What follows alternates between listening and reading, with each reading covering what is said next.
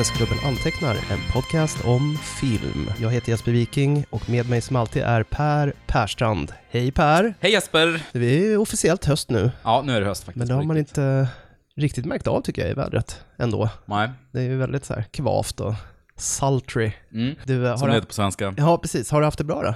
Jo, men jag har haft det toppen. Haft en toppen sommar sen eh, vi såg senast. Ja, fan vad du har haft det bra då. Vad har Mm. du gjort? Det är så Eh. himla bra. Nej, men jag var i Estland en sväng och sen var jag ju på, i Hyde Park och såg eh, Cure. På Ja, en ja. sån här eh, BST Hyde Park presenteras av Barclaycard. Supersponsrat. Men det var en sexdagars festival där Credit. olika... Ja, precis. Credit cardet. Eh, Precis, dålig cred i ett kort. Det var kort men credit. Nej, men ehm, eh, det var ju sex olika dagar då det var olika headlines. En dag var det Roger Waters och en dag var det Paul Simon. Men så var det på den så kallade indie-kvällen då, nu gör jag cita- citattecken här i luften. Och då dammar de av The Cure. Ja men exakt, det var lite avdammade gamla 80-talsband och 90-talsband. Nej men det var kurerat av Robert Smith och så var det då Slowdive, Interpol ehm, och lite andra, eh, Och Ride Åh framförallt. fan, ja. vad skoj. Ja, det var ju magiskt för min En del. som, som gjort för vår generation. Ja, men precis. Det var dock, ska sägas, rätt. Det var ju många 55-plussare med ölmagar som tändes i, inuti väldigt eh, tajta Cure-t-shirts, köpta 94 och tvättade många gånger. Men det var också, det var rätt bra blandat från 20-åringar till 70-åringar. Vilket ju spänner över hela Cures karriär, för att den, den kvällen då i juli var det på dagen 40 år sedan de gjorde sin första spelning i London. Mhm. Alltså 40 år har de funnits, det är helt sinnessjukt. Ja, jag, jag hatar när folk pratar i sådana där termer. Jo. Ja, du vet att det var Ja, men exakt. 40 år sedan Terminator 2 kom. Ja, sådär. precis. Jag blir galen när jag hör sånt. old. Nej men ehm, det var, de var jävligt bra i alla fall. Och eh, det var ju jävligt kul att se Ride som inte jag har sett sen uh, länge sedan. Ja. Jag så- på Hultsfred Mm. i tidernas gryning. Så de var ju svinbra. Så det var en, en härlig dag. Han du göra något annat i London då? Förutom, Ah, han är ju in på FOP, en snabbis. ja, Eh, och så hann jag äta gott. Det, vi var där en snabbis bara. Mm. Men jag hann... en natt typ. Ja, två nätter blev Mm. det faktiskt. Jag hann in på FOP och köpa jag fick ju panik där. Det är som när man kom till HMV första gången när man var 17 år bara. Det finns alla skivor jag vill ha. Ja. Nu är det nedervåningen på FOP där vid Covent Garden eller vid Seven Dials. De har ju en gigantisk eh, filmsamling med Blu-rays och DVD. Och det är ju, jag menar, det är ju hela sektionen för en för Arrow, en för Eureka, en för BFI-släpp, en för Indicator. Ja men du fattar ju. Ja. De har liksom hela utbudet av alla de där. Ja. Så man står ju där bara, Jesus fuck. Man skulle vilja ha, ja men ungefär 500 pund och bara bränna, köpa allt eller köpa hela butiken. Jag hann väl köpa någon enstaka, jag köpte Suspiria. Visade Ja. sig att jag hade den redan när jag kom hem, fast en annan utgåva. jag vet inte, jag fick panik, jag visste inte vad jag skulle göra. Lätt hänt. Men det var härligt. Jag var ju också i London i somras. Ja, just det. Eh, Så vi var ju båda där, Mm. dock ej samtidigt. Nej, men jag var ju där och kollade på Mupparna. Just det var ju det. lite skoj. Det var en sån här, för jag missade ju också när Morricone var här, Mm. senast i Stockholm, Mm. och spelade och alla sa så här, "Men det här är once in a lifetime, Mm. han kommer dö Mm, snart, ni måste gå och se honom. men jag gjorde aldrig det, jag hade inte råd då. Men nu när jag såg att Mupparna kommer och kör live i London, då känner jag att nej, de kommer aldrig komma till Stockholm. Nej, så jag måste ta hända. mig dit. Och det var ju helt uh, otroligt, de körde på O2-arenan där, eh, Oj. Danny Boyle körde det här um, OS-invigningen. Ja. Det var lite kul att besöka den arenan också. Mm. Men det var ju helt fantastiskt såklart. Jag tänker inte berätta vad det kostade, för det, jag skäms fortfarande. Men det var, jag har ju varit ett superfan av Mupparna sedan jag var liten och Mm. eh, min fru Åsa också. Så att, eh, ja, vi satt där och, och grät när de spelade vad Rainbow fint. Connection. Och, Ja. ja, det var ljuvligt faktiskt. Men var det gästartister också? Det var gästartister, men vi var där sista dagen, så alla de här eh, stora box office-namnen, de hade redan kört på Mm. invigningskvällen. Så vi fick lite mer så här B-laget. Så om det var lite så. Det var jättelångt showcase för uh, Dr. Teeth i Electric Mayhem, rockbandet, så de körde lite härliga covers och eh, ja, jag hade lätt kunnat se en hel konsert bara med dem Mm. faktiskt. Så jävla duktiga de här uh, Muppet Performers Mm. snubbarna. Det är ju ingen i det gamla gardet kvar egentligen, förutom Nej. Dave Goles som gör Gonzo. Han är den enda nästorn, men jag menar Jim Henson som ni vet är ju döda så att eh, det är ju en annan eh, Kermit nu. Matt Vogel heter han. Och sen Mm. är det han Bill Barretta som har hållit på ganska länge, som gör typ tusen röster. Mm. Han är väl även med i den här uh, Happy Time Murders Ja, med Melissa McCarthy. jag tänkte fråga den. Elefanten i rummet. Mm. Nej, jag kommer inte se den, Nej. givetvis. Men den har ju blivit otroligt sågad överallt. Ja, men jag förstår det. Det är ju inte kul. Nej. Muppar som säger att de vill suga kuk. Mm. Det kanske är kul på en firmafest. Men jag vet inte om det är så roligt. Men varför vill Brian timmar. Henson göra det här? Jag, vet slags... inte. jag tror han kommer ur pappas skugga. Ja, men lite grann. försenat föräldrauppror. Ja, det känns lite så. Mm. Och samtidigt, det där har ju gjorts redan med Meet Ab- the Feebles och Ja, Avenue Q. Avenue Q dessutom. Och jag Mm. menar, om vi, vill man göra något sånt, men sätt upp, gör en filmatisering av Avenue Q då. Nej, Jag har inte sett den, men eh, jag har hört, eh, bland annat snacka i Slashfilm-podden om den, att det kändes som att Brian Henson skrev den när han var typ 15 eller 20, Ja. och så har manuset legat för en massa Ja. gamla Låg referenser. och fnissade på rummet. Ja, precis. Skrev under täcket. Typ. Precis. Ja. Och han tyckte, de tyckte också, också var lite deppigt för att det var ju länge sedan det gjordes en dockfilm. Mm. Eh, Och i och med att den här både blev sågad och gick dåligt box office så kommer det inte bli en ny på tio år. Och att det här var, Nej. liksom en, det här var en missed opportunity verkligen. Jag känner mig också osugen på att se den. The Muppets-filmen som kom 2009, den gick ju bra Mm. med Jason Segel och eh, Amy Adams. Mm. Sen uppföljaren Muppet Most Wanted, den gick ju inte fullt så bra. Den gjorde ju hyfsad Office ändå. Mm. Men sen det här tror jag, nej. Nej, jag tror de menade mer en sån här vuxen muppfilm. Vuxen Muppfilm, ja, De ja. var ju, alltså, jag gillar de här nya mupparna, de är ju väldigt eh, kärleksfulla Mm. och eh, massa cameos. De, de går ju i samma tradition som original muppfilmerna med en massa skådisar i små roller och så. De var Mm. väldigt älskvärda och roliga. Jag tror de kanske mer var inne på, Det hela uspen med Mupparna är att de är helt renons på cynism och ja, krasshet. Det är Precis. väldigt så här, oskuldsfull, snäll humor. Och det är väl, kan vi väl enas om, är en bristvara ja i verkligen. dagens samhälle. Så nej, det känns inte så intressant. Apropå Morricone förresten, jag var ju på den konserten. Mm. Som jag pratade om i tidigare podd. Ja. Och då var det verkligen, ja det här är sista chansen. Så nu känner jag mig helt lurad. Ja, för nu kommer han tillbaka, tillbaka. ja. The very final The very tour. final, ja. Vad fan. Och det, det var inte billig den biljetten heller, ska Nej. jag säga dig. Nej, Så det kan jag att, tänka eh, mig. Jag, jag kräver pengar tillbaks nu. Ja, precis. Det är ju falsk marknadsföring. Det är ju det. Faktiskt. Och frågan är, vad ska Med våra konsumentlagar så har du ett starkt case. Nu kanske han har kört alla hits, så nu kanske han kör en så här... eh, Experimentella prylar. Ja, precis. Lite Jallo-rullar och Mm, lite mer obskyra grejer. sånt som man, man vill höra. Det vore ju... Mm, det vore fint. kommer inte att hända, men Nej. det vore fint. Jag såg att Carpenter ute på On the Road igen Mm. också. Men han kom inte till Stockholm den här gången heller. Det var typ samma ställen han var på förra gången. Varför kan ingen boka in honom till Stockholm? Jag fattar inte det. Tror de inte att det, jag menar, man skulle ju lätt kunna fylla Lätt. Konserthuset Ja, ja. utan problem. Lätt. säga. Annexet tror jag det är. Men alla de här tv-spelskoncernerna som Orvar håller Mm. de är ju storsuccéer. Mm. Nåväl. Ja.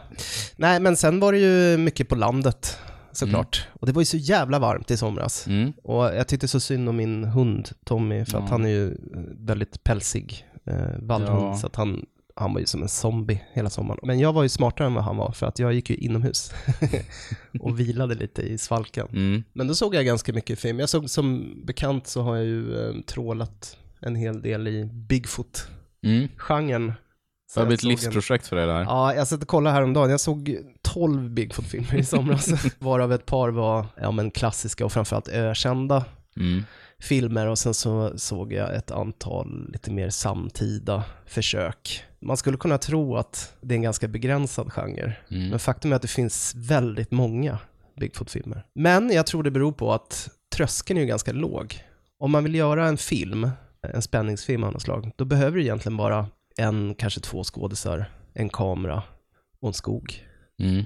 Så att det är, det är ganska lätt att komma igång tror jag och göra just en Bigfoot-rulle. Tyvärr. det görs mycket skit alltså. Det gör Jo, Men, eh, Men görs måste det- ses. görs det, ja det måste ju se såklart. Men görs det nya Bigfoot-filmer också? Ja, ja, fortfarande.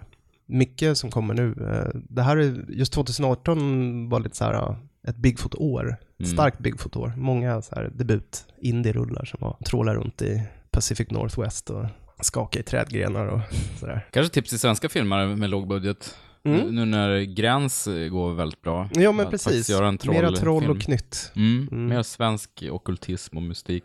Jag vet inte om, ja, jag var lite, jag tänkte redan när den här jordskott gick att så här, Mm. det här måste ju gå att göra bättre.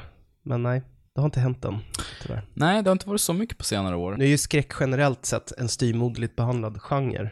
Eh, och framförallt i Sverige. Mm. Det är, tror jag är otroligt svårt att få ihop en budget för en skräckfilm i Sverige. Jo. Men eh, jag ska ju sätta ihop en liten um, letterboxlista över um, Sasquatch-rekommendationer. Mm. Så behöver jag inte gå igenom dem allihopa här och nu. Utan jag kan Vi göra en liten får, lista eh, och skriva några små omdömen och så kan folk titta in där om folk törs ge sig in i Bigfoot-genren. Jag, jag mailar Letterbox i förväg så att de har bered, där för att, det trafiken, kan, så att det inte kraschar totalt när vi släpper den här listan. Ja, Så att, eh, det bussigaste att göra så för, för mm. deras skull. ja också. faktiskt. Lite Ja, framförhållning. Mm. Vad har hänt mer egentligen, sen vi såg senast? Ja, det är ett par månader sedan vi såg faktiskt. Ja, vi var ju på Malmö filmdagar Mm, och såg lite nya filmer. mm. Det var kul. Ja, det var det. Ja. Du och Martin Degrell spelade väl in en sedvanlig TV-dagspodd? Mm, tillsammans med Ida Kjellin. Just det. Så det var kul. Mm. Jag satt och gaggade lite.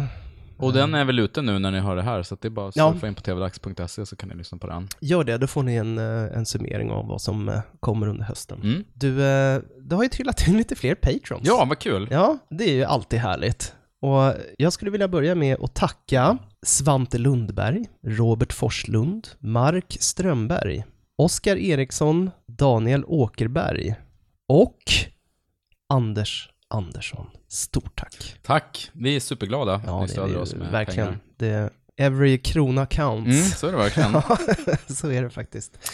Nej, vi är väldigt glada och, och att ni är beredda att investera i eh, våra små samtal. Mm. Nej, men det är vi superglada för. Och för er som ännu inte börjat stötta oss så kan man göra det. Och då är det ju en liten belöningsstege. Från en dollar blir man tackad och har vår eviga tacksamhet. Sen kan man få lite rekommendationer och filmtips här på vår Patreon-sajt om man ger mer än 4 dollar i månaden. Och ger man 10 så får man också önska filmer. Mm. Och vi kommer snart återkomma med lite önskefilmer. Så det är bara att gå in på patreon.com slash icapodcast är det va? Mm. Lätta på lädret, så att säga, om ni vill. Det är vi väldigt glada för. Sannerligen. Du, eh, idag ska vi prata om en av dina stora idoler. Tom Cruise! Ja, exakt. menar, ja, ja, ja. Nej, det Inte k- Peter Lorre, Tom Cruise. Nej, min näst största då. Ja, det känns ju lite märkligt att som vuxen man sitta och säga att man är en Tom Cruise-fan. Särskilt som eh, Tom Cruise är en högst moraliskt tveksam människa. När det gäller hans, eh, hans engagemang i scientologin och så vidare, som ni redan känner till. Ja, Men man måste ju skilja på konstnären och, eh, vad säger man? Man måste skilja på konsten och eh, personen bakom det. ja vissa säger det. Vilket man... Det svår, blir svårt när det gäller Louis CK eller Woody Allen eller Ja. kanske till och med Polanski. Nej, men det här ska inte handla om Tom Cruise eh, framförallt. Det kommer handla väldigt mycket om... eh, Mission Impossible-sviten. När du sa mm tänkte jag skulle säga The Mummy. Ja. Men Tack och lov var det inte så då. Nej, vi tänkte snacka Ja. Mission Impossible nu. Tänker jag har faktiskt förträngt The Mummy. Ja. Alltså jag tänkte, vad gjorde Tom Cruise senast? Och jag hade glömt bort The Mummy. Mm. Så dålig var den. Nej, men vi kan tänka att han gjorde American Made senast. Ja, just det. Den var ju bra. Mm. Eh, Doug Lymans. Mm, eh, skröna Ja. om eh, den här eh, knark och vapensmugglande, Ja, glada men amerikanska den kom och försvann den också egentligen. Ja, lite så var det tyvärr. Men eh, blev ganska kritiker. Mm. Jag såg Rosad. den här veckan, tyckte Mm. den var riktigt eh, underhållande. Doug Lyman har en sån svajig Otroligt karriär. ojämnt. Slog igen med Swingers, Mm. som var jättebra. Sen gjorde han första Bourne, Ja, som ju var en hörnsten inom den moderna action-spionfilmen. Cloak and Dagger-genren. Ja men precis. Och sen som vi jag ska gjort... prata om idag. Ja men det ska vi göra. Mm. Och, och sen har ju Doug Lyman gjort en av de sämsta filmer jag har sett, Mr. and Mrs. Smith. Ja, Som jag verkligen den är hatade. så dålig. Gud vad dålig den är. Men sen har, gjorde, gjorde han ju Edge of Tomorrow härom året, också Ja. med Tom Cruise då, som Ja. ju är fantastisk film. Ja, den är Jo, inte dålig i alla när fall. vi snackade om filmer man har sett många gånger för några poddar sedan, då glömde jag ju prata om den. För det är Mm. lite så go-to-film att man bara kan slå på den och mysa. Har nog i och för sig Ja. sett den tre eller fyra Ja, vi är nog inte men- helt överens där, men det, den går an. Ja, generöst.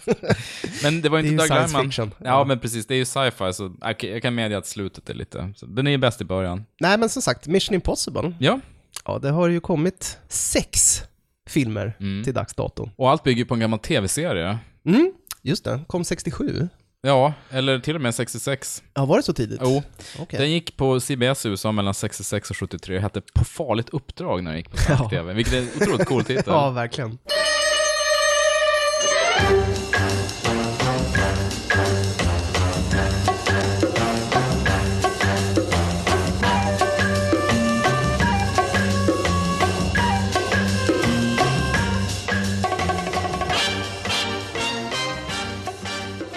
Ja, det var ju en Desilu-produktion. Mm. Lucille Ball och hennes make, Jaha. Desi Arnaz Ja, coolt.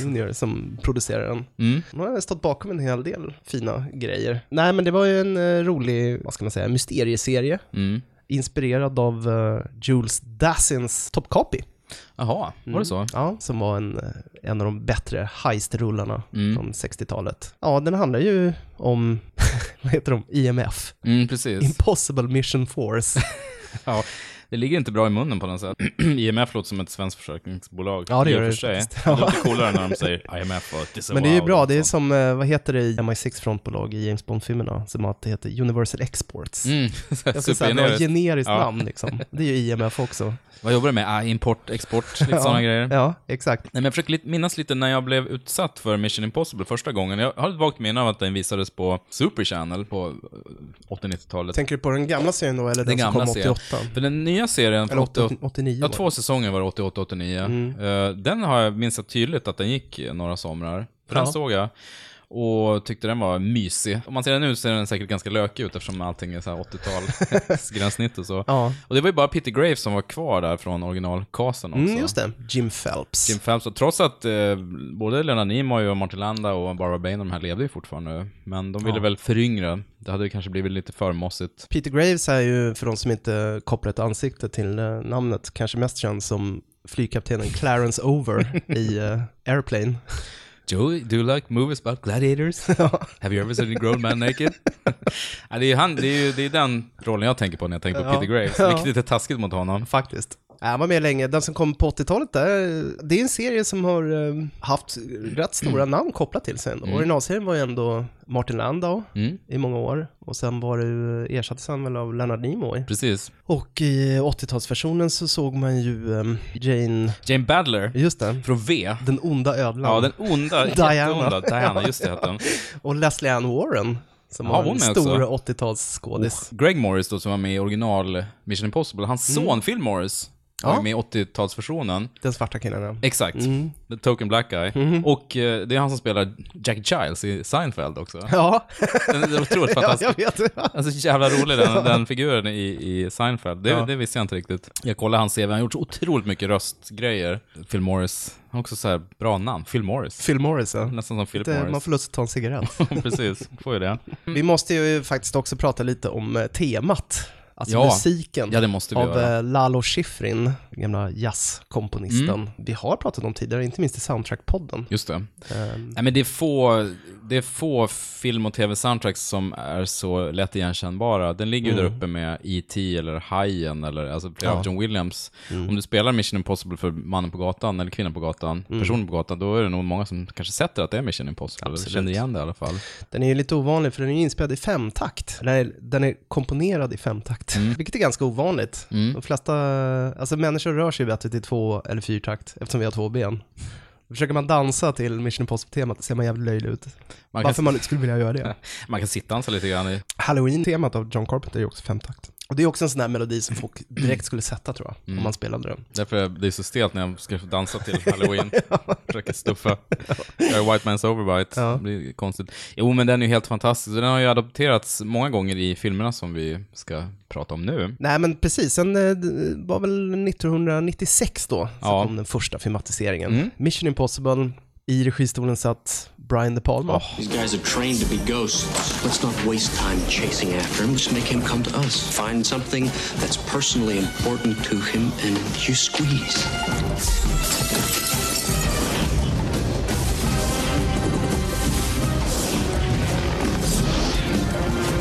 This whole operation was a decoy. I can understand you're very upset. You've never seen me very upset. This tape will self-destruct in five seconds. Jim Phelps, spelad av John Voight, ledaren för den fiktiva amerikanska agentbyrån Impossible Mission Force, får i uppdrag att spåra attachén Alexander Golitsyn vid amerikanska ambassaden i Prag. Golitsyn har stulit hälften av en NOC-lista, en förteckning över alla CIA-agenter i Östeuropa. Av säkerhetsskäl är NOC-listan uppdelad i två delar. Golitsyns del innehåller kodnamn, men den är värdelös utan den andra halvan, där de riktiga namnen står. Den halvan tänker Golitsyn stjäla under en mottagning på ambassaden. Phelps team ska skaffa bildbevis för stölden, skugga Golitsyn till köparen och gripa dem båda två. Men snart inser Phelps andre man, Ethan Hunt, spelad av Tom Cruise, att uppdraget är på väg att misslyckas. En efter en dödas de andra medlemmarna, inklusive Phelps. Golitsyn mördas och hans knocklista försvinner. Hunt lyckas fly och kontaktar IMFs chef Kittridge. Snart inser dock Hunt att Kittridge iscensatt hela operationen för att spåra en mullvad och att eftersom Hunt är den enda i gruppen som överlevde så är det naturligt att misstänka honom att försöka sälja knocklistan till vapenhandlaren Max. Återigen flyr Hunt. Ja, vi rundar av. Den var ganska lång den här. Ja. Det här var i, första, i och för sig bara första 20 minuterna. Ja. Eller något sånt där. Men det handlar om att avslöja en förrädare då i teamet. Och det här är ju intressant för det kommer ju tillbaka i de andra filmerna också att det, det är alltid problem med IMF. Det är aldrig smooth sailing utan det dyker upp... Det är en jävligt instabil organisation. Mm. Men det blir ju så, så länge det går bra så är alla nöjda och går det dåligt då... Och Ethan Hunt har varit förrädarstämplad ett antal gånger. Ganska många gånger. ja, det har inte varit så här en räkmacka han har glidit in på direkt. Nej men det blir lite som alltså, Dödligt vapen och hundra andra polisfilmer, att de går till polischefen och säger Var ni tvungna att förstöra så mycket egendom under den här biljakten? Ja, och de bara "Ja, vi fick ju fast boven i alla fall. chefen. Ja men exakt, den koleriska chefen bara nu, I, like, I want your gun and your badge ungefär, eller Exakt. på den nivån. Fast här är det att han blir disavowed. Jag tänkte på det när jag såg den nu, att det är lustigt hur De Palma ofta är mer lättsmält när han är lite urvattnad. Alltså Mm. när han är inhyrd regissör, Mm. snarare än när han får göra sina egna projekt. Som till Jo. exempel Mission Impossible, eller De Omutbara, eller Kalitos Way Mm. också. Och det är ju egentligen de tre som kanske är hans största finansiella succéer. Ja, jag tror box office-mässigt är det nog det. Ja. Jag, jag glömde kolla det innan, men jag skulle ju tro att Mission Impossible måste nästan vara hans största. Eller möjligen omutbara. Men han funkar ju mycket bättre som en gun for hire än, än um, ja, men Coppola till exempel, som Mm. också gjorde mycket sådana här uh, knegjobb när han uh, var lite down and out Mm. i Hollywood. Men jag undrar vad det liksom, det kanske är för att De Palma inte riktigt har någon så här, en stark röst. Som till Nej. exempel Coppola, han har ju ändå liksom, han vill ju, har ju något att säga Mm. oftast Coppola, medan De Palma har ju mer en, en blick. Han jag ju tänkte mer, hålla säga.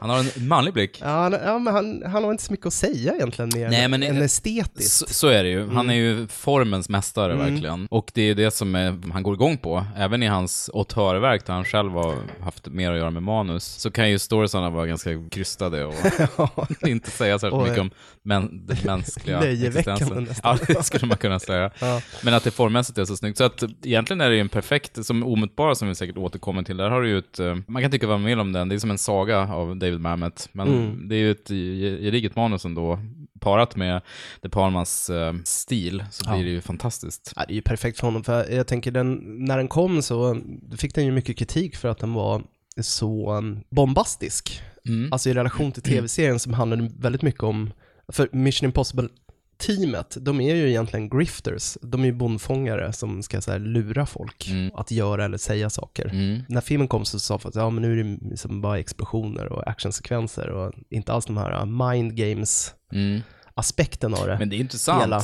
Nej, jag håller med och jag tänkte säga framförallt i relation till de senare filmerna. Så Oh. Första Mission Impossible-filmen känns väldigt rotad i den här uh, Cloak and Dagger-genren fortfarande. Och det är ju, passar ju De Palma som handen i handsken. Ja men Så precis. dimmiga gator i Prag. Ja. liksom. Underbart. Nej men och sen så kan man ju, vi kanske ska säga det här nu, att vi kommer ju bjussa på spoilers för alla sex filmerna. ja, det får Det är man svårt ta. att undkomma. Så även om ni inte har sett Fallout så, fast det, det, den, det blir ju längre fram så. Mm. Men det jag tänker på att inledningsscenen i Mission Impossible är ju verkligen ett kon-upplägg där de ska lura någon Mm. eh, agent och försäga sig. Och det, det återkommer ju samma upplägg i Fallout som en... Ja, det var roligt Callback. att se. Ja, faktiskt. otroligt kul. Ja, för det har ju trappat av lite, Mm. kan man ju säga, under resans gång. Mm. Nej, inledningssekvensen i första filmen är ju helt, det känns nästan som en sån här metakommentar kring film Jo. som medium dessutom. Så det är väldigt typiskt De Palma. Mm. Jo men precis, det första man ser är en tv-skärm där ett eh, fejkat scenario utspelar sig. Ja. Så vi tittar på en skärm där man filmar av något som är fake, så det finns flera lager av det. Med en Tom Cruise med ganska kass makeup också. Ja, det var lite skoj för att um, om man tittar på, på teamet i Mission Impossible, där ser vi ju Emilio Estevez Mm. till exempel. Jag blir alltid på skotthumör när jag ser honom, Mm. för han har ju en, en enorm karisma. Mm. Därför är det väldigt trist att han dör så Ja, fort. jättetråkigt. Ja. Och det är, så, det är så lurigt för att eh, det är ju nästan, det är ju ett manusstunt i samma klass som Psycho egentligen, att du tar livet av en stor del av det vi tror ska vara casten redan i första kvarten. Ja, verkligen. Och för när de sitter och har mysigt och snackar och drar upp planen vid bordet där, man, det är så här fint samspel mellan STVS och Tom Cruise. Man tänker så här, åh, det här är hans sidekick i den här ja, filmen. precis. Det här är comic relief hela filmen. Mm. De har det mysigt, sitter och jabbar. Sen tio minuter senare så dör han. En ganska otäck... eh, Argentomässig, Ja. oralfixerad eh, hemsk scen. Ja, hissen där. Spetsad. Nej, jätteobehagligt. Det Ja, är det så är riktigt jobbigt faktiskt. tungt. Och sen även Kristin Scott Thomas, Ja. också, hon var ju ett stort namn. Och Ja, man bara verkligen. förväntar sig att hon, ja, det är hon som är den stora kvinnliga Ja, skådespelerskan precis. här. Nej. Nej, ska dö. Vilka ser vi mer då? Det är ju, det är ju hon, eh, Ingeborga Dapkonaite, med reservation för uttalet, litauisk skådis, ja just det. eh, som var med i Bränd av solen. Och just jag det. tror att det var efter den som hon fick lite Hollywood-roller och sådär. Så var det ja. Hon har de här coola solglasögonen som har en dimmerfunktion i sig. Ja. ja. Ser jävligt mäktigt ut. ja, de är härliga. Mm. Och så fransyskan eh, Bier. Emmanuel Béat, precis. Och hon var inget stort Hollywood-namn. Hon hade väl Nej. mest gjort en massa filmer med Daniel Auteuil. Mm. Ja, men hade hon gjort Innan- den här eh, Manon de Source då kanske? Det kan vara efter det här också. Men hon gjorde inte så mycket i Hollywood. Det var typ det här. Mm. Sen eh, drog hon tillbaks Ja, till Europa. fick väl bättre roller kanske. Ja, förmodligen. Hon har ju en ganska simpel så här, femme fatale eh, troféroll Ja, hon är ju ett kuttersmycke. Ja. Ganska tacklös. mellan två män. Som vi ska återkomma till Mission Impossible 2. Ja, ja det, jo, där, det, det här är bara början folks. Nej men det var skoj att se Henry Czerny Ja, som eh. IMF-chefen. Kittridge. Jag hade glömt att, att han var med där. Mm. Och det var ett lustigt sammanträffande för att man ser verkligen inte honom särskilt ofta. Nej. Han är ju en jävligt solid birollskådis. Mm. Men under, samtidigt som jag såg om eh, Mission Impossible så såg jag den här HBO-serien eh, Sharp Objects Mm, samma med här. Amy Adams Mm. när han spelar Patricia Clarksons veka Ja, hunsade. man. Ja. Som är Han så jävla bra. jättebra. Ja, han är fantastisk. Sitter där med sin extremt dyra stereoanläggning ja. och dricker punch eller konjak. Ja, och lyssna på uh, Paraplyerna Cherbourg Mm. soundtracket Mm. om och om igen. Mm. Nej, men jag tänkte i början av serien så här, att han tog den här rollen, inte för att han är en jättestor skådis, men han får ju lite mer att göra ju längre serien går. Mm. Första tre avsnitten är man en slags bifigur, men han gör ju väldigt mycket av den lilla rollen. Nej, han är så perfekt som den här hale Kittredge som man inte riktigt vet var han står Nej, är han ond eller Precis. inte? Men han är en perfekt skådis för den, för han har den här liksom Mm. lite lätt osympatiska Mm. utstrålningen. Mm. Och eh, just när IMF-cheferna, de byts ju ut på löpande band verkligen. Ja, de har låg eh, De har, life de har inte många också. år på två månader på CVt, Mm. IMF-chef, sen är du död eller, eller flyttad. Ja, precis. Det är ett väldigt otacksamt jobb. Serien har väl tagit livet av fyra, fem stycken vid det här laget. Ja, säkert. Kittredge är en av de få som överlevde. Mm. Det vore ju magiskt om Kittredge kom tillbaka i någon Ja, kommande det vore mysigt. i sjuan. Se honom igen. Men den scenen mellan Kittredge och Tom Cruise i den här akvarierestaurangen Ja, är ju i Prag ja. Ja, Mm. precis. För den är också så här showcase för uh, De Palmas alla tricks. Alltså, det, ju tätare den blir, så närmare ligger han ju med kameran. Och han kör ju så enormt grovt perspektiv och tiltad kamera, så han klipper mellan, så tiltade närbilder på de två. ja. Det är så snyggt alltså.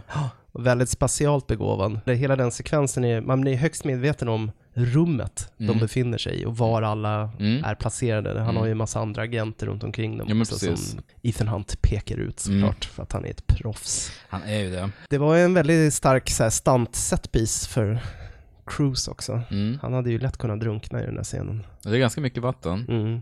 Det var hans idé också tydligen, läste jag. Tompa? Mm. Mm. Att han ville få en massa humrar ja, men det funkar ju bra. Det är väldigt eh, läckert. Det är jättesnyggt. Dels när vattnet kommer. Det känns ju som att det... För jag jag har alltid tyckt så att, gud vad överdrivet det är med så mycket vatten.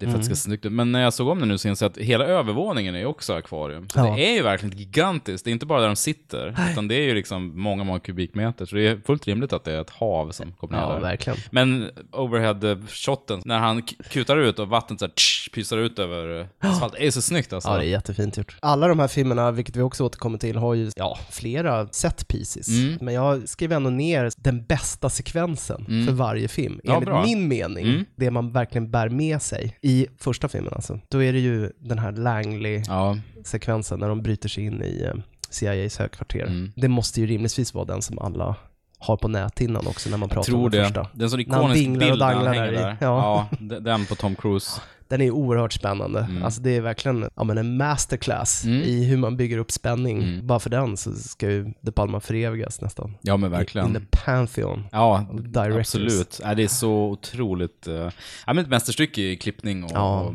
plåtning och, Ja, och sen hur de också höj, höjer the stakes hela tiden, att det, det får det får inte vara för varmt, man får inte göra rörelsedetektor, det kommer nya hela Ja, tiden. det är så många hinder. Ja, det är så mycket som ska klaffa för att det ska funka. Kan vara värt att nämna att um, U2 gjorde temat till den här. Ja, Eller inte hela U2 i, i ärlighetens namn. Det var Larry Mullen och Adam Clayton. Just det. Men en lite mer så här dansmusiksuppdaterad version av Schifrins Mm. tema. Helt okej, tycker Ja. jag. Funkar. Bättre än den som komma skulle i nästa film. Som Limp Bizkit Ja, gjorde. Fruktansvärd.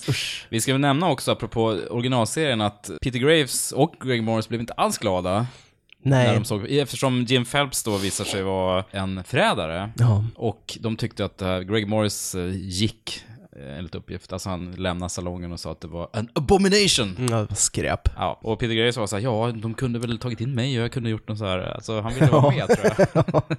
Inte bitter för det, att anna, nu för tiden är det ju obligatoriskt att man lägger in en cameo med Ja, de, de åldrade Det castmedlemmarna. hade ju såklart varit oerhört salt om Mm. Peter Graves hade gjort rollen istället för John Voight. Jo, och det är också, jag kan ju fatta någonstans att man inte bara vill göra det som ett långt avsnitt av Mission Impossible, Nej. utan att det måste till någon ytterligare spänning där. Har vi något mer på originalet? Eh, nja, jag listade lite olika gadgets och prylar. eh, Ja. Från den här filmen. Det, är ju så mysigt att det precis som med Bond-filmerna. Ja, gör det. Vi, vi har de här glasögonen som har kamera och mikrofon i sig, som Kristen Scott Thomas har. Ja, just det. De är Filmare. salta. Det är ofta borderline science fiction i de här Ja. filmerna. Jo men precis, de ska utspela sig i tid, tror jag. Men tekniken är, ligger ofta 10-20 år framåt. Vilket ju var coolt med ursprungsserien också. Nej men sen... Eh, Jag tror i ursprungsserien hade de en typ så här apparat som kunde spela in drömmar och sånt där. coolt. ja. Gick ännu längre. Sen gillar jag det här tuggummit som Tom Cruise har. Man, vi, en sån här juicefull, så man viker ihop det. Ja, Efter just fem det. sekunder så sprängs det, sen Det är klämmer som ihop det. Semtech, alltså Ja, så men här exakt. sprängdeg av något Mm, slag. slänga den mot akvariet så kommer den här explosionen som vi pr- pratade om tidigare. Nej men som de här solbrillorna med dimmer som, som vi snackade om tidigare. Mm. Sen har ju Emanuel Bert har ju en liten penna som kan droppa laxermedel. Som hon ger till den här, förlåt. Det Som är det ger- mest användbara av alla de här Ja, verkligen. Man håller den över någons kopp kaffe och så bara dit, dit, så kommer det Ja. några droppar. Nej men och sen, kul man kan ha med en sån. Det är, jobbet. det är så här Buttricks-nivå verkligen. Verkligen. Jo, det- Pennan som får dina kompisar att bajsa på sig. Precis. Nej men det ska vi ju nämna i, med den här Langley-sekvensen, att det, det är lite slapstick också. Med Ja, den det är det. stackars som måste Det är mycket springa fram humor. tillbaka till toa. Mm. Och precis när han ska in så, "Mm, jag måste på toa igen. Det är lite roligt. Och sen slutligen så, maskerna, Mm. som ju återkommer. Det är inte förrän i trean som man verkligen börjar det som är, vi återkommer till det, men det, det är coolt med trean att där får man faktiskt se hur man gör en mask Ja. första gången. Precis. Men redan första kvarten så är det ju två masker. Ja. Först har Tom Cruise en mask när han ska lura den där agenten. Och sen... Eh, jo, men han är utklädd till någon senator där, som bara råkar vara väldigt lik ja, Tom Cruise. just det. Den Ja, precis. snubben Han är med- som en tunnhårig Tom Cruise. ja. Precis. Mm. En så här eh, ålderssminkad Tom Cruise. Som har, huvudet har blivit så här 20 större. Ja, också. alltså egghead. Verkligen. Ja. Och sen är det ju, klär ju Tom Cruise ut sig till Jim Phelps på slutet på tåget där ja, det är sant ja. Det var ju Robotin som gjorde maskeffekterna i den här filmen. Du menar de sliter av sig maskerna? Ja, precis. Ja. Och jag tror att Bra första där, två Rob. maskerna är det ju, det är bara gummimasker. Senare i filmen så blir det ju mer datanimerat när Mm, eh, precis. den ser bättre ut också. Men det får vi återkomma till. Du, eh, här ser vi också Vanessa Redgrave Ja, som en eh, skrupelfri, olaglig mäklare kan man Mm. säga. Ja. Varumäklare av något slag. ja men precis. Hon verkar sälja allt möjligt, Ja, är försvarshemligheter det någon och sorts annat. mellanhand Mm. för att sälja och köpa saker. Mm. Mitt minne av henne var att, gud vilken härlig roll det här var för Vanessa Mm. Redgrave. Hon njöt ju Ja, uppenbarligen det märker man. väldigt Fulla mycket av att drag. göra den. Men nu när jag såg om den så var herregud vad hon spelar över. Så hon är som en så här jobbig, så här, som en transa. Ja, det är nästan som att hon är lite påtänd. Hon, är så, Mm. hon har sån lyster liksom, men så på i de här scenerna. Ja, Det, blir lite, det blir lite för mycket faktiskt. mm. det är mycket så här, uh, mjau. det är så hela tiden. Jo, jo, det finns absolut en sexu sexuell tension mellan Ja. henne och Tom Cruise där. Ja. Vilket i och för sig är rätt kul ändå, men ja, de scenerna är ju, är ju rätt roliga. Det, det upptäckte jag först nu, att hon har ju en, en av hennes underhuggare är den här långa blonda tyska skådisen. Ja. Med i Die Hard också. Ja, Han heter eh, Andreas Wisniewska. Det är så mycket De Palma i den här filmen. Onekligen. Jag älskar att han har flera så här, eh, point of view-scener, Ja. eller shots. Och så gillar jag att, först får man ju se hela inledningen där teamet blir mördat från en synvinkel och sen Ja. kommer det, man får veta vad som hände. Ja, det är classic Ja, det är så snyggt. De Palma. Och sen, en del grejer står i manus givetvis, men jag vill ändå, jag vill ge honom allt. Ja. Enligt, enligt auteurteorin så är det han Ja. som står bakom Ja, allting. givetvis. Men jag gillar ju att det är slow motion i flera scener. Jag gillar den här otroligt töntiga drömscenen också. Tom Cruise Ja. sitter vid datorn och håller på, och så somnar, nickar till och så plötsligt så kommer Jim Phelps in och så här, Som en demon, det är som en Ja, det. Hammer-rulle. Han, det. han, hans hand är blodig, så handen, handen är i fokus liksom. Och Ja. Han är, Where were you Ethan? Exakt, och han är alltså knallröd, det bara droppar blod och så vaknar han så. Ja. Då visar det sig att det är Emmanuel Bär där som dyker Ja, upp. det. Mm. Nej men det är, det är många sådana grejer. Och sen så, det är alltid kul med gamla datorer och gamla gränssnitt. Det är men roligt. det är så här, We've intercepted a message on the internet. Det är liksom på den nivån.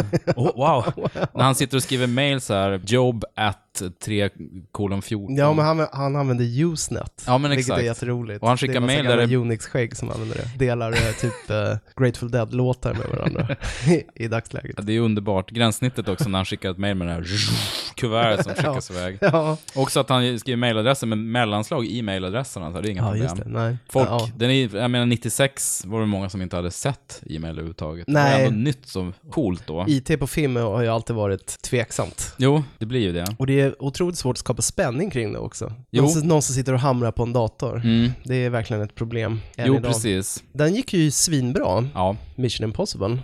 Här var det en, eh, en ny härlig franchise på gång, Mm. vilket man eh, ja, försökte förvalta. Mm.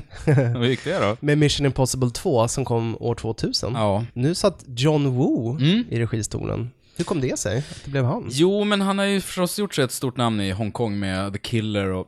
Hardball och Better Tomorrow och de här eh, Bullets in the Head och de här klassiska, som vi tycker nu är klassiska Hongkong-rullarna. Nej men sen kom han till Hollywood och gjorde Hard Target. Ja, Han har ju en historia av generiska ja, filmtitlar, ja, verkligen. gode. Jag blandade ihop det med Hardboiled. Det var hans första Hollywood-rulle 93 och sen Broken Arrow då, den här när Travolta och Chris Slater. Christian Slater och Tra- av Travolta mina- spelar över någon Ett av mina hatobjekt. Ja, du, har, du hatar verkligen Christian Slater. Ja, det är Ja, jag gillar honom.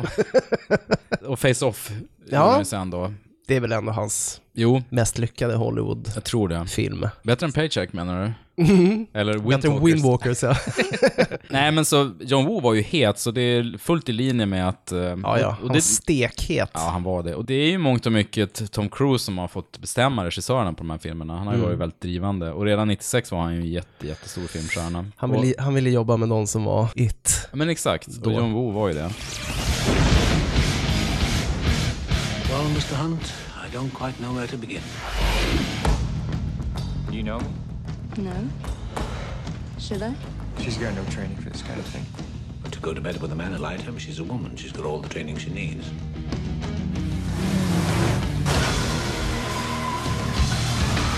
Welcome to Australia, mate. This ain't funny. The mother of all nightmares is on the loose. I don't think I can do it. I mean, it'll be difficult. Very. Well, this is not mission difficult, Mr. Hunt. It's mission impossible. Agenten Ethan Hunt får i uppdrag att offra sin nya flickvän Naya Nordoff Hall, spelad av Fanny Newton, som bete till den före detta kollegan Sean Ambrose, spelad av Dougray Scott, hennes ex-pojkvän, för att hon ska locka ur honom var det stulna biologiska vapnet Chimera, uppkallat efter Chimera. är jämt. Ja, bra med klargörandet där. ja, det här är en eh, ganska solkig film. Mm. Konstig tonträff. Mm. Det här att Ethan Hunt ska fnaska ut Fanny Newtons rollfigur till eh, skurken. Den är, den är väldigt apart från de andra filmerna. Ja, På så många olika sätt. Den utspelar sig nästan bara i Sydney, den här filmen. av någon obegriplig anledning. Av någon obegriplig anledning. Det är nästan ett kammarspel. Ja, Där Tanya Newton är någon slags trofé som ska bollas mellan de här två snubbarna, som Mm. båda vill ligga med henne. Det är en så otroligt banal handling i den här filmen. Det är ju heller ingen riktigt teamwork. Det är bara Luther Stickle och då återkommer ju Ving Rhames, så han är ju den enda förutom Tom Cruise som var med i alla sex filmerna. Ja, det är sant. Och det är bra. Ja, det är bra. Och det har ju, det har ju Ving Rhames sagt i intervjuer här, nej men jag är den svarta snubben, så de kan inte ta livet av mig liksom. det blir så tydligt då att Ja, ja. kill the black guy, så att Ja. han, är, han är liksom kvar. Nej men det är ju så väldigt litet team. Tom Cruise, eller Ethan Hunt, och så är det ju Ving Rhames, alltså Luther då. Och så är det den här, eh, Helikopterpiloten. ja, som spelas av John Paulson, som jag aldrig har sett någon annanstans. Nej, Det är så väldigt... väldigt eh, förglömlig Ja. insats. Han är otroligt anonym och det, jag fattar inte hur han kunde bli castad i den här rollen. Han är i och för sig australiensare, så han kanske fanns på plats bara när de vara där och skulle spela in. Ja. Eller också var det någon så här skattegrej, att ni måste ha en australisk skådis. Som turistnäringen fick välja ut. Mm. För att ni ska få, ska bli billigt här. Jag vet fan. Ja, men så det finns inte den här teamkänslan riktigt. Premissen är ju egentligen ganska bra, det här att Dougray Scott spelar den här um, vanärade Mm. IMF-agenten, någon sorts sån här mörk spegelbild av Ethan Hunt. Mm. Ja, men kanske som Red Grant var i um, Någon och ser rött. Robert Shaw. Ja, just det. Jo, men precis att Ethan Hunt ligger också, de ligger ganska nära gränsen i sitt yrke. Men de, har, de gör gott, men de skulle nästan kunna join the dark side också. Precis som um, Sean Bean i Goldeneye Mm. också. Apropå Bond, så det här att uh, Ethan Hunt, som sagt, är någon sorts här hallick för Mm. uh, Fandy Newtons Mm. rollfigur är ju, Bond hade ju inte tvekat en sekund att utföra uppdraget på det sättet eftersom han är helt amoralisk. Mm. Men Ethan Hunt är ju liksom etablerad Mm. sen förra filmen som, ja men driven av ett väldigt starkt rättspatos Han är och uh, empatisk och, Mm. så att det, det skär sig ju verkligen Mm. jämfört med den första filmen. Han är väldigt eh, liksom out of character i den här filmen. Mm. Jämfört med alla andra filmerna i serien. Och apropå Bond, det finns ju många beröringspunkter med Bond-filmerna såklart. Men jag, skulle ju, jag tycker det här är den som mest liknar en Bond-film. En dålig Ja, Bond-film också. Faktiskt. Ja men verkligen, och jag tänkte framförallt eh, med tanke på att det är John Woo som regisserar, så eftersom det är en sån film som kretsar så mycket kring vulgär lyx Mm. och eh, splittrad lojalitet och Mm. dubbelspel, så hade det ju varit en typisk så Hongkong-thriller Mm. egentligen. Med typ Andy Lau och Maggie Chung i huvudrollen. Ja, det hade kunnat vara riktigt bra då. Med det sagt så, eh, jag tycker ju Dougray Scott är en ganska bra skurk. Han har fått mycket kritik. Mm. Du håller inte med? Vet inte. Jag tyckte det var en pina från början till slut att se om Ja. den här filmen. Ja. Man mådde illa. Nej men, ja, men han är en sån här skådis som jag har fått för lite eh, jobb tycker jag. han gör den rollen bra. Det, det kan man ju Och jag säga. kan verkligen köpa honom som en, en livsfarlig agent. Mm. På ett helt annat sätt än hans hejduk som spelas av Richard Roxburgh. Ja. Som eh, också är ganska anmärkningsvärd. För han Mm. är en sån här evig, ja, men en av de här typ australiensarna som alltid får en massa Mm. roller. Och han har ju, vet du att han är en av två skådespelare någonsin som har spelat både Sherlock Holmes, Professor Moriarty och Dracula. Mm, är det sant? Så det är han och Christopher Lee? Nej, det är han och Orson Welles som har Ja. spelat alla tre. Som West spelar Moriarty alltså? Ja, fast i radioproduktioner. Ja, det är ju något då. Men det är intressant för just Sherlock Holmes och Dracula är de mest gestaltade rollfigurerna någonsin. Men alltså Richard Roxburgh, han, han brukar ju vara med i Baz Luhrmanns filmer. Jag gillar Mm, honom jättemycket absolut. som skådis. Han är ju bra här, men han har en så här väldigt svårdefinierbar brytning. Jag vet inte om han ska föreställa vara sydafrikan Jag tror han eller? ska vara sydafrikan. Nej, men men han så, har någon sorts sån här lite guttural sydafrikansk brytning. det är klart, jag hörde inte John Woo att det lät konstigt. Nej. Han bara, sounds Det good, var nog yes. hans eget beslut. Ja, men är. Jo men det tror jag också. Mm. Sen finns det ju, vilket är lite kul, det finns ju otroligt stark eh, homosexuell underton i hans relation till uh, Doug Ray Scott. Ja, ja, Han är ju kär i honom och vill Mm. vara liksom number one, blir otroligt uh, sotis på både Tandy Newton och Ethan Hunt i den här filmen. Nej men sen har vi bland är- skådespelarna, vi har ju William Apodder, det vill säga Tom Cruise kusin här, som en av hejdukarna också. Han har ju dykt upp i lite olika Tom Cruise-filmer, han är med i Minority Report kommer jag ihåg, i en liten roll. Jag försöker hitta roliga grejer.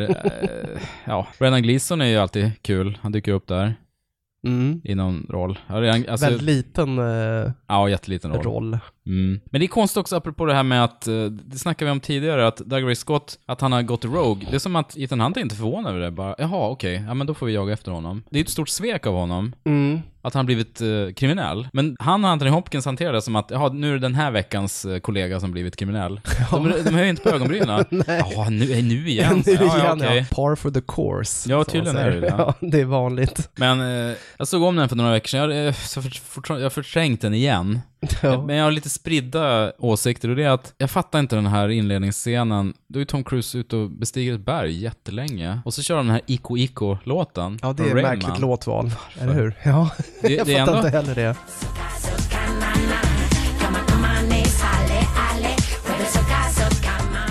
Det är ju Hans Zimmer som skriver musiken. Mm. Det hade varit perfekt med antingen tystnad och bara vindens sus, eller lite mäktig Zimmer-muller.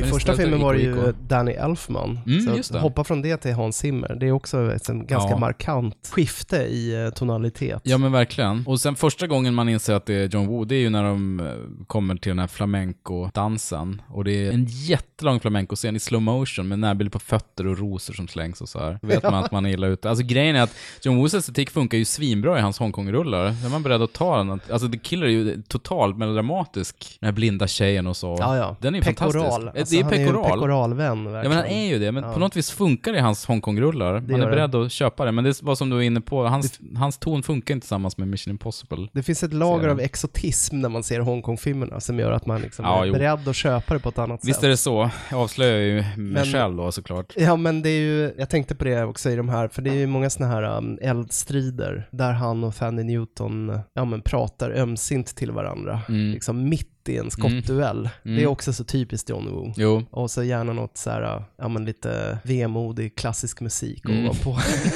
och sen duvor Ja, såklart. duvor. Ja, det är mycket Ja. duvor på slutet. Ja. Det är härligt. Nej men det är roligt med, som du sa om Richard Roxburgh, eh, jag skulle komma till det, att, eh, att han verkar så kär i Douglas Scotts skurk. Att Mm. han, han är så extremt lik eh, Will Pattons rollfigur i Ingen utväg. Ja. Du vet, han som är assistent till Gene Hackmans Mm. president där och är så förälskad i honom. Mm, Han ja, är liksom jag- jag- closet gay. Och så länge sedan jag såg den. Ja. Men Will Patton är ju alltid bra. Will Patton är alltid fantastisk. Mm. Nej men du, bästa sekvensen i Mission Impossible 2, Ja, finns det någon? ja, jag hade nog faktiskt sagt just bergsklättringen i början av filmen. Mm. Det är den som får mig i alla fall. Den är ju snygg. Och, Och svettas i handflatorna. Men, det, men då ska man också veta att jag har så här uh, extrem höjdskräck. mm, Jag blir ju på allvar, jag börjar svettas i handflatorna när Mm. folk står typ nära en kant Mm, av mm, någonting. mm. Det är så här fysiskt uttryck ja men för absolut, min jag har all respekt för det. Jag tycker den är otroligt jobbig att titta på Mm. när han hänger och klänger där. Han hade väl förhoppningsvis någon sorts sele som Jo, de han hade tog sele bort har jag läst. Som i, de har, efter... Precis, men det fanns ju ingen skyddsnät eller, eller så. Nej. Och det här är ju första gången i den långa härliga traditionen av att Tom Cruise gör sina egna Ska utmana sig själv. Exakt, och måste Mm. uppa sig själv för varje ny Mission Impossible-film. Nej men den sekvensen är ju, är, den är ju spektakulär, men den hade ju varit bättre utan Ico Ico.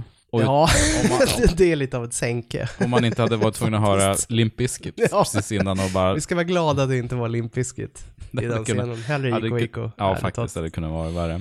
Men eh, i övrigt så minns jag inte så mycket av filmen. Mer än den här extrema motorcykel chicken racet som de Nej, det är mycket motorcykelporr. eh, Överlag så är det mycket motorcykel i Mission Ja. Impossible-genren. Mm. Det kommer vi till senare. Men Mm, det Rebecca. Ferguson till exempel. Ja, Hon är ju typ fastlimmad över delen av de här Ja. filmerna. mycket MC för henne. Men, ehm, ja nej, det är den här bergsklättringen. Sen kan man faktiskt stänga av Mission Impossible 2. Ja, Lite faktiskt. så känns. Nej, men som sagt, jag såg om den och det rekommenderas inte, utan eh, inte ens eldstriderna är särskilt bra. Jag Nej. förstår inte hur han... Han är ju liksom mästare.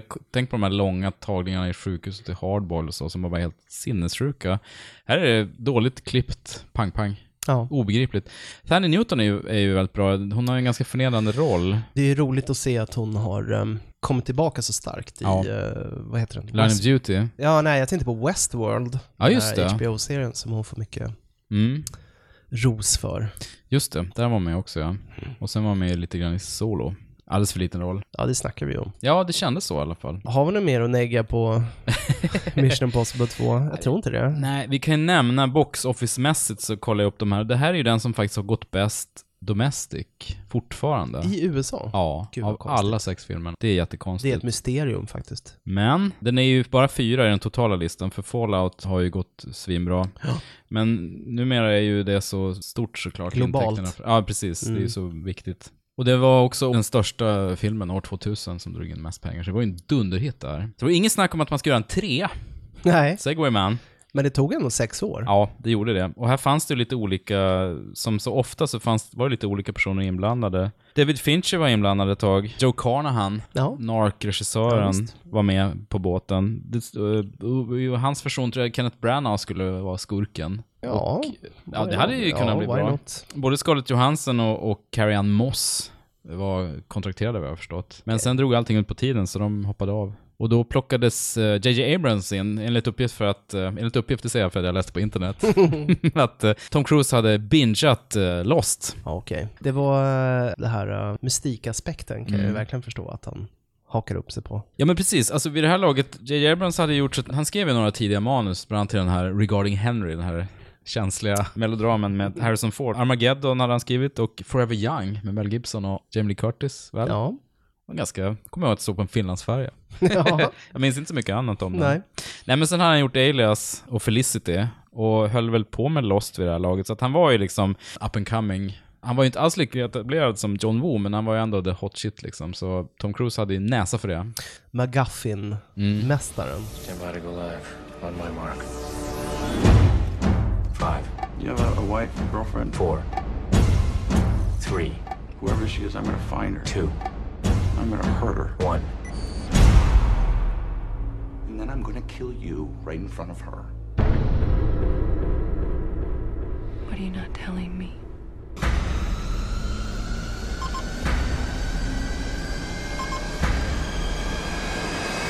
Execute. Ethan Hunt har egentligen dragit sig tillbaka från fronten och sysslar nu med utbildning. Men han får samla ihop sitt gamla team för att bekämpa den samvetslöse vapenhandlaren Owen Davian, spelad av Philip Seymour Hoffman. Ja, det är ju sant. Apropå McGuffin som du nämnde i samband med Abrams, så är det här den mest tydliga McGuffin-rullen kanske. Den här Verkligen. Rabbit's Foot. The Rabbit's Foot, ja. Exakt, Man som- får aldrig veta vad det är. Nej, och det är så coolt, men det är, det är så klassisk uh, Det är ju. Hitchcock Classic. Ja. Så här. Det spelar ingen roll vad det är för något. Nej. Det är bara det som driver handlingen framåt. Men eh, manus, nu var ju helt plötsligt David Köpp, som vi Äntligen. kallar honom, och eh, Robert Town ute. Ja, precis. För de gjorde ju ettan tillsammans. Tvåan var ju Robert Town Ja. enbart och det märks ju på sätt och vis. För Robert Town är ju mer sleazy Mm. än vad David Köpp är. Ja, faktiskt. Nu var det JJ Abrams själv och eh, hans ehm, favoriter, vad man ska kalla dem, Mm. eh, Alex Kurtzman, Roberto Orci. Roberto Orci ja, Mm. inne. Universellt hatade inom Star Trek fandom för eh, Precis, som skrev Star Trek och Into Darkness.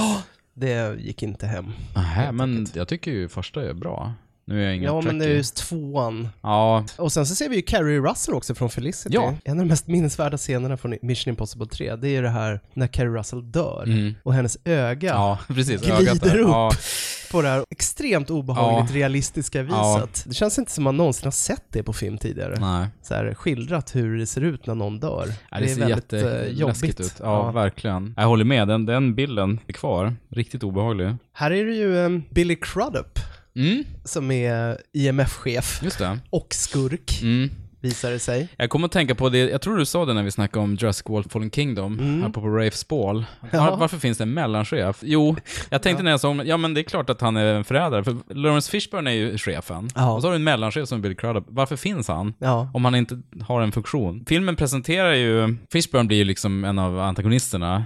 Mm. Och, och senare i filmen så antyds det ju väldigt kraftigt att det är han som är mullvaden så att säga, förrädaren. Men då är det Bill Crudup då som Ja. är svikaren. Det borde man ju kunna räknat ut. Ja, det har man ju på känn hela tiden. Vad har vi i Ethan Hunts team i trean egentligen? Det är Jonathan Rhys Myers, Mm. irländaren. Ja men precis. Ehm, kanske mest känd som eh, vidrott i Matchpoint, Woody Allen-filmen. Ja, ja eh, just det. Det var Mm. där han var. Det var väl hans stora genombrottsroll. Stämmer. Och nu på senare har han väl gjort Tudors och en del Ja, TV precis. och så. Ja. Maggie Q är ju Ja. ny i teamet här. Maggie Q är, hon kom ju in i filmen som en sorts Hongkong-stjärna fast hon är egentligen amerikan. Mm. Hon blev ju upptäckt av Jackie Chan. Var med i Rush Hour 2 Mm. och sådär. Härlig. Hon får ju Hon är jättebra. hon gör den här sedvanliga inslaget i Mission Impossible-filmerna, det vill säga kvinna som kliver ur en lyxig bil Mm. i eh, klänning med hög slits. det, är, Det är, det, är, det är nästan en sån scen i varje film. ja, det är det verkligen. Klassiska filma bildörren som öppnas och fötterna och sen Mm. och glider kameran uppåt. Mm. Precis, det fick Paula Patton göra sen i nästa film. Exakt. Det ingår liksom i uppdraget. Nej men hon är ju så bra i den här ganska dåliga serien Designated Survivor som jag... Ja, just det. Jag, följ, Jag såg inte hel, den. nej, jag såg hela första säs- säsongen, den är ju kass, men den är ju så mysig ändå. Men någonstans så, i andra så tappar jag det. Den är lite som West Wing eller 24, fast om man är lite så här hjärnskadad, man blir lobotomerad, man har svårt att hänga med i vanliga tv-serier. Så är den väldigt, det är som Mid- Midsummer Murders, så det är väldigt enkelt att hänga med i. Sen blir den nedlagd efter två säsonger, men jag läste precis att Netflix har plockat upp den. För den, den görs ju av ABC tror jag, men körs på Netflix i resten av världen, förutom Ja, USA. okej. Men nu har de, kör de en tredje säsong. Nej men det, det här var ju också första gången som vi får stifta bekantskap med Benji Dunn, Simon, Simon Peggs, Peggs rollfigur, ja. Som sen har blivit en, en fast medlem i andra Ja, och i den här filmen så blir han ju någon sorts ersättare för Ving Rhames Mm, rollfigur, Luther. mm. Alltså som technörden. Ja just det, det var ju Lucy som var datakillen Ja, i de mm. första. Som alltid satt i en van Mm. och smattrade Mm. på keyboards. Här blir ju också eh, Ethan Hunt kär i eh, en läkare, Mm. Spelad av Michelle Monaghan. Just det. Monahan är en sån här skådis som aldrig riktigt har fått kommit in i rampljuset. Nej. Riktigt. Även om hon har varit med i mycket liksom, stora produktioner. Mm. Men hon har haft extrem otur tror jag. Hon gjorde Gone Baby Gone, den var ju i och för sig kritikerrosad, Mm. men den, det var kanske inte jättemånga som såg den. Så gjorde hon Source Code med Jake Gyllenhaal. Just det. Hon gjorde Kiss Kiss Bang Bang, Shane Ja. Black-filmen, Mm. som är älskad av många, men Jo, det nivå. med finsmakarrulle. Eagle Eye med Shia LaBeouf, en storsatsning som inte gick särskilt bra. Så att hon har aldrig riktigt slagit. Nej. Hon är väl egentligen kanske mest känd för den här rollen Mm. som eh, Ethan Hunts hustru i, eh, i Mission Impossible-filmerna. Ja, och det är inte förrän i Fallout som de får en lite större roll. Hon är Nej. ganska marginell i de här. Hon var ju i och för sig gjorde ett avtryck i um, True Detective säsong 1. Där var hon ju svinbra. Om man föreställer sig Mission Impossible 3 utan Philip Seymour Hoffman med någon annan skådis, Mm. hade den varit lika bra då? Jag tror inte det. Jag tror inte heller det. Han är så jävla stark Mm. som den här skurken, så Mm. att det är, han bär verkligen filmen, den här vidriga, vad är det han heter? Owen Davian. Owen Davian, ja. Ja, han är ju i mitt tycke den bästa skurken i hela franchise. Tveklöst alltså. Han är så bra. Mm. Och det är, man är lite förvånad över att han inte spelade fler sådana här roller. Mm. Han kanske tyckte det var ointressant. Ja, egentligen var det en härlig payday, men det är ju, det är klart han har gjort många mycket mer mångfacetterade roller i mer liksom indiefilmer och hos Paul Thomas Anderson och sådär, men det är ändå en, för att vara en skurkroll är det ju en saftig roll att spela. Nu när jag såg om den så satt jag och funderade lite på varför den är klippt som den, som den är. Att Mm. man inleder med den här eh, Owen Davian-scenen när han, eh, Hotar att skjuta exakt, Michelle Monaghan. Och Mm. hon sitter fastbunden, Tom Cruise är där och han räknar ner från 10 till 0 och sen säger det pang. Och så, Och så ser man börjar Tom Cruise. temat. Ja, Mm. det är ju effektfullt, men samtidigt tar det udden av den här scenen när den väl kommer. Och, ehm, Ja, då sitter man bara och väntar på hur upplösningen blir. jo, För det får man ju aldrig veta. den här fantastiska monologen som han kör, så här, när han är lite irriterad. Do you have a wife, a girlfriend? I'm gonna make her bleed and cry and call out your name.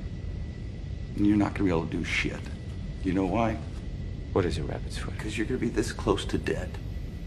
And who's the buyer? And then I'm gonna kill you right in front of her. I'm gonna ask you one more time. What's your name? What is a rabbit's foot? Who are you? And who's the buyer? You don't have any idea what the hell's going on, do you? I mean, you saw what I did to your little blonde friend at the factory, right? Oh, that was nothing. That was um, fun. Den, den blir ju lite mer effektfull när man redan vet att han får, fast det är oundvikligt i och för sig, om, Ja. någon, om en skurk säger så. Så jag har inget att komma med. Jag vet inte vad jag, jag, jag, vet inte vad jag vill säga. Ett vagt missnöje. Ja, fast det är ju också, det är väldigt effektfullt också. Just det här att man slängs in in medias res, så att säga, mitt i Mm. handlingen, är Ja, ju, det är, är ju det är starkt. ett bra grepp. Ja, det är ju det. Mm. Formeln har ju varit och återkommit i flera andra av de senare filmerna, och även i första, att du har ett mini-setpiece i början, som Mm. inte är jätteknutet till övriga handlingen. Apropå Bond-filmerna också, Mm. man pre-credits-sekvens Ja. som det heter på svenska. Så det fr- frångick han ju här. Det säger något om, om eh, Hoffmans um, gestaltning, att man till och med köper att han faktiskt har ett handgemäng med Tom Cruise Mm. och vinner. Mm. Ja, det är helt orimligt egentligen. Ja. Ja. Han är så övertygande. Ja. Vi saknar dig, Philip. Ja, det var ju, det är så sorgligt att se hans filmer nu. Bästa sekvensen i Mission Impossible 3? Ja, jag listade några. Det är, det är många Det är rätt set pieces. Jag har räknat till fem set pieces här. I och med, i och för sig redan med tvåan, men Australien är så gener, det är liksom någon sorts, det är apart från världsordningen på något sätt. Mm. För jag tänker, ettan är ju väldigt mycket så här Europacentrerad, Mm. som en, eh, ja men ett agentmysterium eh, bör vara. Mm. Och det Eh, hänger tydligare ihop med originalserien också. Ja, men verkligen. De, ofta var de väl något odefinierbart I senare filmer så börjar man ju sträcka sig mer, delvis på grund av såklart eh, hur liksom, internationell filmdistribution ser ut, men det blir ju mera så här Dubai, Mm. Shanghai Mm. och så vidare. Och det börjar man ju se lite i i den här filmen också. Den Mm. utspelar sig till stor del i Shanghai. Mm. Men den starkaste scenen, det är fortfarande den här um, brosekvensen, Mm. attacken. Fritagningen. Ja. Den är ju bra. Det finns ju många andra, hela Vatikanen heist-scenen. Den är fin. Den är jättefin, så klassisk Mission Impossible. Takscenen där i Shanghai är fin. Också ett raffel. Ja, otroligt. Och även he hela Berlin-scenen med Carrie Russell i början är ju stark med den här helikopterjakten i vindkraftverken. Ja, just det. Snygg detalj. Men nej, jag håller med. Hela den fritagningen är ju mästerlig. Ja, bra Mm. Klippt och Otroligt bra. väl visualiserad. Mm. Det är kul, jag kommer att tänka på det, när, när Davian men- sitter i helikoptern som far iväg från bron där, Ja. och Ethan Hunt står där och tittar på honom, då, han vinkar ju inte eller gör någon så här min. Hej då! Nej, utan han bara så här, tittar på honom så här. bara, ja. Ja, snart är jag tillbaka på kontoret så här. Ja, det här blev en stökig Du är dag. inte ens värd en vinkning. Precis, Du är liksom bara en skrynkla Ja. i min släta tillvaro. precis. Mm. Så jävla bra. Nej, men det var ju eh, en eh, total uppryckning jämfört med Det får man tvåan. verkligen säga. Och eh, la ju grunden för resten av sviten. Precis. Också för Abrams rykte som eh, hans nya yrke då, som franchise-upphottare. Mm, exakt, det är hans nya grej. Ja. Med både Star Trek och, och Star Han är som Wars då. eh, Mr Wolf i Pulp Fiction. Han kommer in i en Lamborghini och bara, äh, nu styr vi upp där. Ja, Så precis. Gör det här, papp, papp, papp, Ja. blir det bra. Ja, och sen så återstår det ju tre filmer. Ja, det gör det. Men de tar vi i ett andra avsnitt. Ja, det gör vi. Vi håller lite på det. Ja, så att ehm, tack för den här gången. Ja, så återkommer vi om inte allt för länge med eh, de sista tre filmerna Mm. i eh, Mission Impossible-sviten. Ni kan som vanligt följa oss på diverse sociala medier, Facebook, Twitter, Instagram. Ja, vi finns överallt. Ja, vi uppdaterar Vi är inte så ofta. Men Omnipotent. vi finns ja, där. Vi finns där. tack för att ni lyssnade så hörs vi igen. Ha det fint. Ja, vi har det fint. Hej då.